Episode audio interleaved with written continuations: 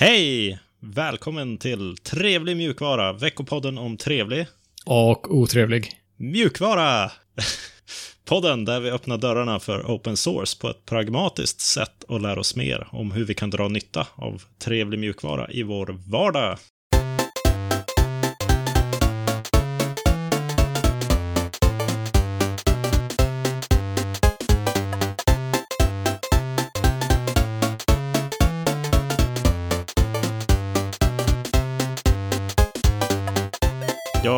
Heter Alexander och med mig har jag som vanligt eh, Seb. Hallå, hallå. Tjena! Vad har du gjort för roligt i veckan? Ja du, i veckan har jag jobbat och stått i. Och nu i helgen så har jag tittat på Dracula på Netflix och eh, tagit det lugnt. Ja, är den bra? Den är bra. Det finns bara tre avsnitt och några är bättre än de andra. Men eh, ja, kan rekommendera den. Vad ska vi prata om idag då? Idag är det lite nyheter och otrevligheter, trevligheter och eh, sen har vi lite eh, tease om ett nytt segment. Oj, vad spännande. Ja. Men eh, först så är det ju nyheter.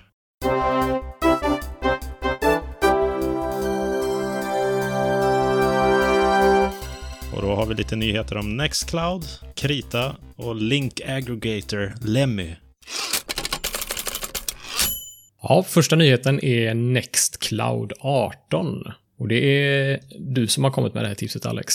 Ja, jag kör ju Next, Nextcloud och har gjort det i många år. Och innan dess så körde jag eh, OwnCloud också lite grann. Nextcloud är ju någon slags... De försöker Nextcloud är ditt egna Google Drive eller Office 365 som man kan hosta själv och som är öppen source. Öppen sås. Ja, eller open source. Så det är ju trevligt.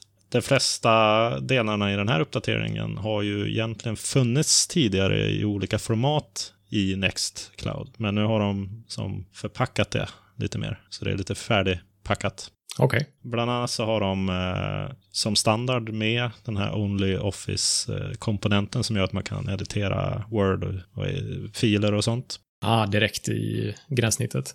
Ja, precis. Och de har ett nytt bättre galleri som jag är supertaggad på att testa för att vi har väldigt många bilder på vår Nextcloud och då som det fungerar idag med det galleriet så är det inte riktigt performant. Så det ska bli spännande att prova det. Sen har de även eh, en ny flow-del som de kallar det, eller flow. Man kan automatisera och skripta olika händelser då beroende på vad som händer i Nextcloud med filer. Så att man kan droppa in en fil i en mapp så blir det, konverterar den till en pdf eller skriver i något chattrum någonstans. Också spännande. Jag hade tänkt prova på och göra någonting med det. Både i podcasten här kanske och även i eh, min, eh, mitt bi- bildbibliotek. Så vill jag kanske att vissa filer ska sparas extra säkert på och kopieras över till min lokala NAS som jag har hemma. Mm. Tänk om vi skulle kunna ladda upp våra lossless inspelningsfiler och så kan den automatiskt konvertera till MP3. Ja, det är väl lite tanken. Det är det jag har grunnat på. Eh, sen har de även uppdateringar till Talk, som är deras, eh, vad ska man kalla det, motsvarigheten till när man, ja, man kan prata med varandra och man kan dela skärmen och man kan eh, se varandra och chatta lite och så. Okej, den sociala delen i Nextcloud då. Komment kommentarer på filer och... Nja, Talk är väl mer som motsvarigheten till Hangouts. Okej. Sen har de ju en eh, uppdatering till eh, Nextcloud på mobilen också, så att det finns mörkt tema nu. Och det tycker jag är väldigt trevligt. Och det går även att editera textfiler i mobilen. Krita får eh, finansiering av Epic. Krita är väl något slags ritprogram? Ja, precis. Ett ritprogram för rasterbilder. Mm, så man kan koppla in någon sån här, eh, ja, vad kallas det? Ritplatta. Ja, men exakt. Det är många som gör. Du kan väl rita med musen också, om du är en galning. Hur mycket pengar fick de då? De fick 25 000 dollar av eh, Epic då. Vilka är Epic? Epic är ett eh, utvecklarföretag som har gjort Unreal Engine, eh, känner många till dem från. Och de har också nyligen köpt Rocket League, som är ett spel som både du och jag spelar mycket. Ja, det är väl lite av vårt favoritspel kanske. Det är så, precis. Finns det någon av våra lyssnare som spelar Rocket League så hade det varit jätteroligt att köra tillsammans. Mm. Krita har ju alltid haft lite speciella sätt att få in pengar på. De har ju kört sådana här fundraising-race, helt enkelt. Där de sätter upp ett mål som de försöker nå inom en viss tid, eller? Ja, precis. Och det tycker jag är ett intressant sätt att göra det på eftersom det normalt sett när man har crowdfunding så brukar det vara någonting som släpps och, och då släpps det i det skicket. Men det här är ju för att finansiera en version av Krita. Sen slutar de ju inte utveckla Krita efter de har fått pengarna. Liksom. Ja, det är klart. Just det. Så de har ett specifikt mål för den här, det här donationsracet då. Mm. Det var lite samma här i den här donationen. Den, den gavs för ett specifikt ändamål. Eller någorlunda specifikt i alla fall. Så att eh, de säger att eh, donationen är till för att de ska kunna förbättra sin utvecklingsprocess. Så att eh, den blir mer sustainable. Ja, det låter ju vettigt. Sen eh, är det väl värt att nämna att Krita är en del av eh, KDE, som vi har pratat om några gånger. Aha. Linkaggregator Lemmy. Ja. det låter som ett, eh, att linkaggregator är ett del av namnet. Men Lemmy heter den. Och den har släppts i versionen 0,6,0. Vad är en linkaggregator? Har du hört talas om Reddit? Ja. Det är en linkaggregator. Aha. Så det är, en, det är helt enkelt en samling med länkar som kommer varifrån som helst på internet. Och så får användare ofta rösta upp eller rösta ner och kommentera och tycka till om länken. Jaha. Är det något som man har stött på, tror du? Eller är det... Just Lemmy? Ja. Eh, det tror jag inte. Den är, eller vad vet jag? Det är kanske folk som är bevandrade inom linkaggregatorer på the, i the Fediverse, som vi har snackat om tidigare. Mm. Men eh, detta är ju som något slags eh, alternativ till Reddit som eh, är med i The Fediverse. Och eh, tids nog kommer att kopplas ihop med ActivityPub, som är det här sociala nätverksprotokollet. Aha, ja du har ju länkat till någon issue här. Har det med det att göra? Ja, precis. Så att det här är det mest, eh, det, deras populäraste issue då, som har med Federation att göra, det vill säga ihopkopplingen av eh, andra sådana här tjänster med Lemmy då. Ah, och även koppla ihop olika Lemmy med varandra kanske? Precis. Så eh, först och främst så är det olika Lemmy med varandra. Så du ska kunna hosta din egen Lemmy eh, som är antagligen specifikt inriktat på något slags eh, område. Och så ska, ska man kunna koppla ihop alla Lemmy-instanser med varandra då.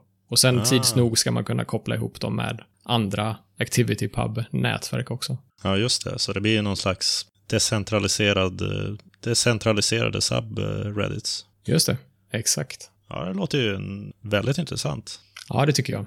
Uh, Reddit är ju en favorit på många sätt, men uh, den är inte perfekt. Och de bestämmer ju själva vad som tillåts och inte tillåts och man har inte så mycket insyn i den. Så att, ja, sociala nätverk flyttar över till det decentraliserade alternativ och varför ska inte linkaggregatorer göra det också? Ja, det känns som vi börjar få alla ägg i korgen för att kasta iväg dem. Nej, men det känns ja. som att vi börjar få, få alla checkboxar för att lyckas med det här. ersätta de här centraliserade sakerna.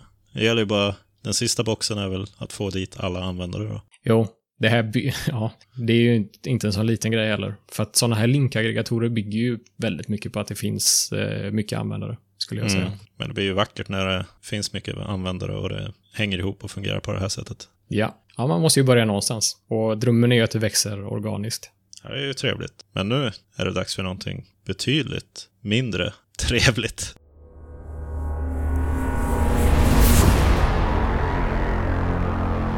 Otrevligheter.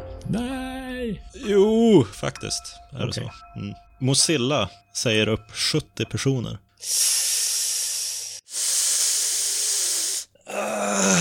Ja, det, var inte så, det är inte så trevligt. Det tycker jag är otrevligt. Det känns som ett steg i fel riktning. Eller hur? Vi har ju snackat mycket om hur, hur bra Mozilla är jämfört med ja. Ja, andra företag. Ja, men det är väl lite som Star Wars. Ibland så tar rebellerna lite stryk också. Ja, just det. Eller som Bob Ross säger. Du måste ha mörka stunder för att se de ljusa.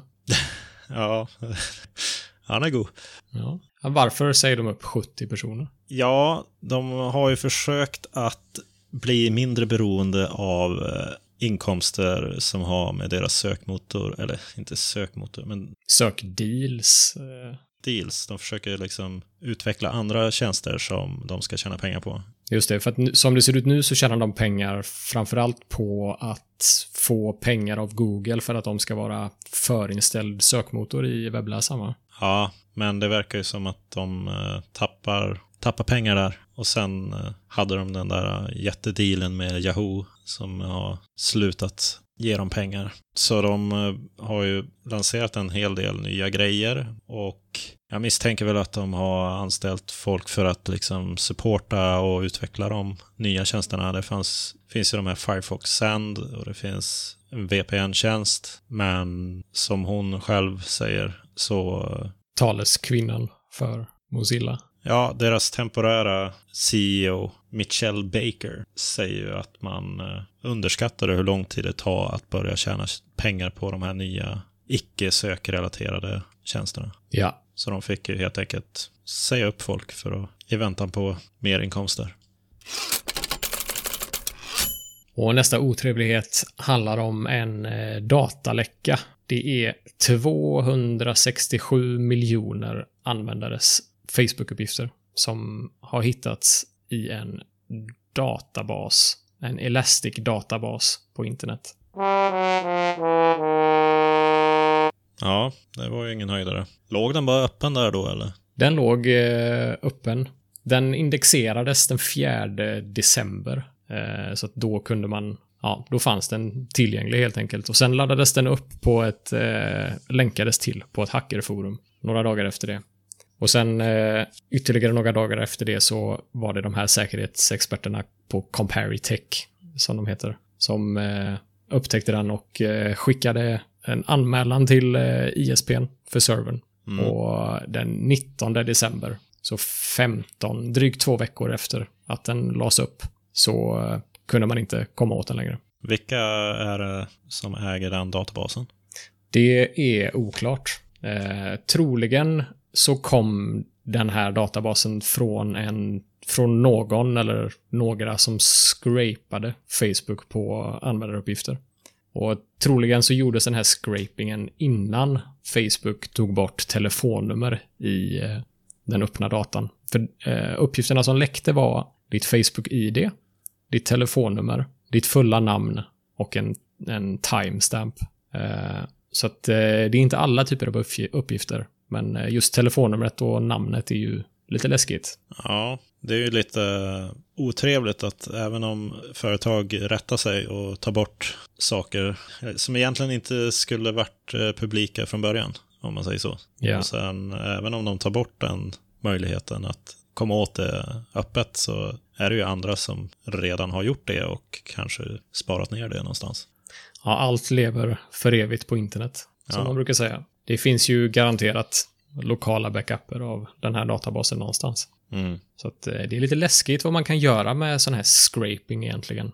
Eh, så att många av de här sociala nätverken har ju öppna API-er som du kan gå ut och gå och hämta användaruppgifter ifrån. Eh, men ofta så är de ju väldigt limiterade till vilka uppgifter du kan hämta. Men jag gjorde ett litet snabbtest på LinkedIn häromdagen. Försökte se vilka typer av uppgifter jag kan scrapa. Och jag gjorde det på användargrupper. Och när man gör det på användargrupper så måste man vara medlem i den gruppen själv. Men eh, jag fick ut skrämmande mycket uppgifter om de kontakter som fanns i de grupperna jag var med i. Ja, Så att det var, ja, ja det, var, det var skrämmande som sagt. nej, eh, inga, inga trevliga grejer det där inte. Ska vi gå över till något lite trevligare kanske? Det tycker jag.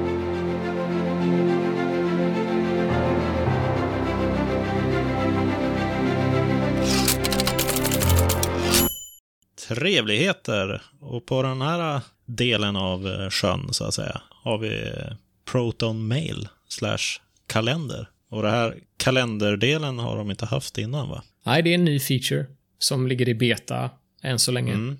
Eh, och det är ju en till pusselbit i, eh, ja, mail har väl inte direkt någonting att göra med kalender, men eh, ofta skickas det ju inbjudningar via mail. Så att, att ha med det här i sin svit är ju jättebra för Proton. Mm. Om man backar lite och ställer sig frågan, vad är Proton Mail då? Proton Mail är en mailtjänst. Ungefär som Gmail, fast eh, den är väldigt inriktad på att vara säker. Mm. Och sekretessen är väl mycket högre. man är ju inte... I Gmails fall så säljs ju ens uppgifter och lite metadata om ens mail för att Google ska skräddarsy reklam och sånt och sälja det. Just det. Men det görs inte i Proton då? Här finns det ju en gratisnivå och sen finns det en eh, nivå som kostar 50 spänn i månaden. Och då är, kan man känna sig trygg i att man inte faller offer för att bjuda på sina uppgifter, eller vad man ska säga. Precis. Och du kan också känna dig tryggare med eh, krypteringen på mejlen, va? Ja, jag har ju kört, eller börjat köra Proton Mail och direkt så stötte jag på patrull med det där, för det finns ju i Nextcloud kan man koppla ihop då med sin mail provider med SMTP till exempel. Och det är ju ett sånt där normalt protokoll som de flesta stödjer. Men för att kunna göra det med Proton Mail så behöver man ha en bridge för att den pratar mer krypterat med Proton, Protons servrar. På ett sätt var det ju lite mäckigt, men det känns även lite tryggare också. Och vår nästa trevlighet är ett program som heter Inkscape. Vad är det? Inkscape är också ett, ett slags ritprogram. Fast till skillnad från Krita som vi snackade om tidigare så är Inkscape ett vektorritprogram. Eller ett vektorediteringsprogram kanske man snarare kan kalla det. Ja, och du har kört det ganska mycket va? Jag har kört det mycket och jag tycker om det jättemycket. Är det användarvänligt, tycker du? Det är, det är lite eh, svårt att älska användarvänligheten i det. ja, Faktiskt. det skulle kunna vara... jag vill inte dissa det helt för att när du har suttit en del i det så, eh, så lär du dig uppskatta det. Ah, okay. Det är ungefär som GIMP. Det är nog precis exakt. Mm. Så att eh, saker ligger på lite konstiga ställen kanske och vissa grejer är inte så intuitiva. Men eh, ja. när du börjar få lite koll så känns det riktigt bra faktiskt. Ja, jag har gett mig på det några gånger. Men eh, om man säger så här så är jag väl ungefär hundra gånger snabbare i GIMP än i Inkscape. Däremot så är det synd att jag inte har samma skills i Inkscape som jag har i GIMP. För det är mycket trevligare att göra SVG-grafik i det långa loppet än att hålla på med vad du kallar det, rasteriserade bilder. Ja, just det. Precis. Vad skulle du ge Inkscape för betyg på våra skalorna? På Gaben Torvalds-skalan. Ja, precis. A.k.a. trevlig mjukvara-skalan. Ja. Kan inte du definiera en gång för alla vad maxpoängen är på respektive axel. Ja. Och vad de betyder. Jag tycker att det är självklart, men ja. Eh, Gaben-skalan är ju, kommer ju från Gabe Newell och har med trevlig, funktionell, snygg, användarvänlig mjukvara att göra som presterar bra. Och har en noll där så är den riktigt, riktigt dålig och kraschar i princip så fort man startar det. Och har en åtta där så är det ruggigt bra. Smutt, snygg. Ja, och extremt lätt att förstå allting. På den andra axeln då, så finns Torvalds-skalan. Och det är ju Linus Torvalds den kommer ifrån. Och Linus Torvalds är ju han som är diktatorn över Linux i princip. Och det är, har att göra med open source. Hur open source en, ett program eller en lösning är. Och den går från 0 till 10. Så Gaben är 0 till 8 och Torvalds, hur open source någonting är, 0 till 10. På Torvaldsskalan okay. är det ju 0 om man är helt stängd mjukvara. Och 10 om det är helt öppen mjukvara. Öppen källkod och så vidare. Och sen ja. kan man ta de här två och gångra dem med varandra. Och då får man en officiell trevlig mjukvara poäng. Okej, okay. så jag skulle ge Inkscape 6 poäng på Gaben-skalan. Mm. Jag skulle ge den 10 poäng på Torvald-skalan. Vad skulle den få för trevlig mjukvara-score då? Det blir ju 6 gånger 10, så 60 trevliga mjukvaror, mjukvarupoäng. Okej, okay. ja. 60 poäng får den. Ja, det låter mycket. Det, det är ju ganska bra faktiskt. Det är den. Utmaningar kommer vi till och det står fortfarande och skvalpar här. Men min Pinephone ryktas det om ska vara på väg. Så det är väl den uppdateringen jag kan ge. Ja, jag har också hört rykten på nätet om att eh, de har börjat skeppas. Mm. Sen har vi, ja, vi har ett nytt eh, segment på G. Vi ska testa och battla varandra när det kommer till två konkurrerande program eller devices eller idéer. Mm. Och första förslaget på battle vi har är PS4-kontrollen versus Steam-kontrollen. Men det är ju någonting vi kör nästa vecka då. Precis. Har ni några bra battles som ni skulle vilja att vi kör så eh, får ni höra av er. Det skulle kunna vara GitHub versus GitLab. Eller eh, lutande tangentbord eller liggandes. Eller vad säger man? Liggande tangentbord. Ja. Vi får se vem som går vinnande ur fighten. Mm. Stay tuned. Stay tuned indeed. Men, vad var det där för ljud då? Ja, det är dags eh, att se inåt och ta åt oss av feedbacken vi har fått. Ja, just det. Och det är väl jag som ska ta åt mig här lite grann. Bitin skrev i vår telegramkanal och påpekar att skal, det är ju terminalen. Och det stämmer ju helt och hållet, såklart. Just det. Vi hade en diskussion om eh, de olika Linux-delarna i förra avsnittet. Mm. Och då nämndes skal som ett av dem.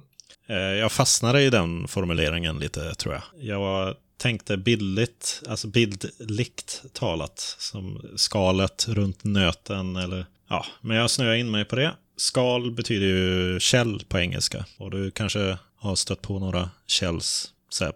Precis. CMD. CMD är ett Windows-exempel. PowerShell. Ja, PowerShell är också ett. Sen i Linux-världen, eller Unix-världen, finns det ju Bash, Z-shell och Fish. Z-shell eh, är ju standard på Mac nu för tiden. Bash är det som är standard typ på de flesta Linux-distributioner. Och Fish är ganska populär också. Men det var alltså inte ett käll som vi snackade om, Nej. utan det var... Det jag egentligen menar var ju skrivbordsmiljö på svenska. Eller desktop environment på engelska. Om man vill googla på det och hitta exempel på vad det finns för grafiska gränssnitt i Linux så ska man inte googla på skal, utan då ska man googla på skrivbordsmiljö eller desktop environment. Ja, just det. Och man kanske inte ens ska googla, man kanske ska duck-duck-goa. Bra. Rätt ska vara rätt. Jajamän. Det var all trevlig Och otrevlig. mjukvara vi hade för denna veckan. Hör gärna av er till kontakt trevligmjukvara.se. Och eh, följ oss på eh, Trevlig Mjukvara på Twitter om ni vill ge feedback eller så. Vi finns ju även på Telegram och andra ställen som ni hittar på vår sida. Yes. Vi hörs nästa måndag. Trevlig mjukvara på er. Trevlig mjukvara!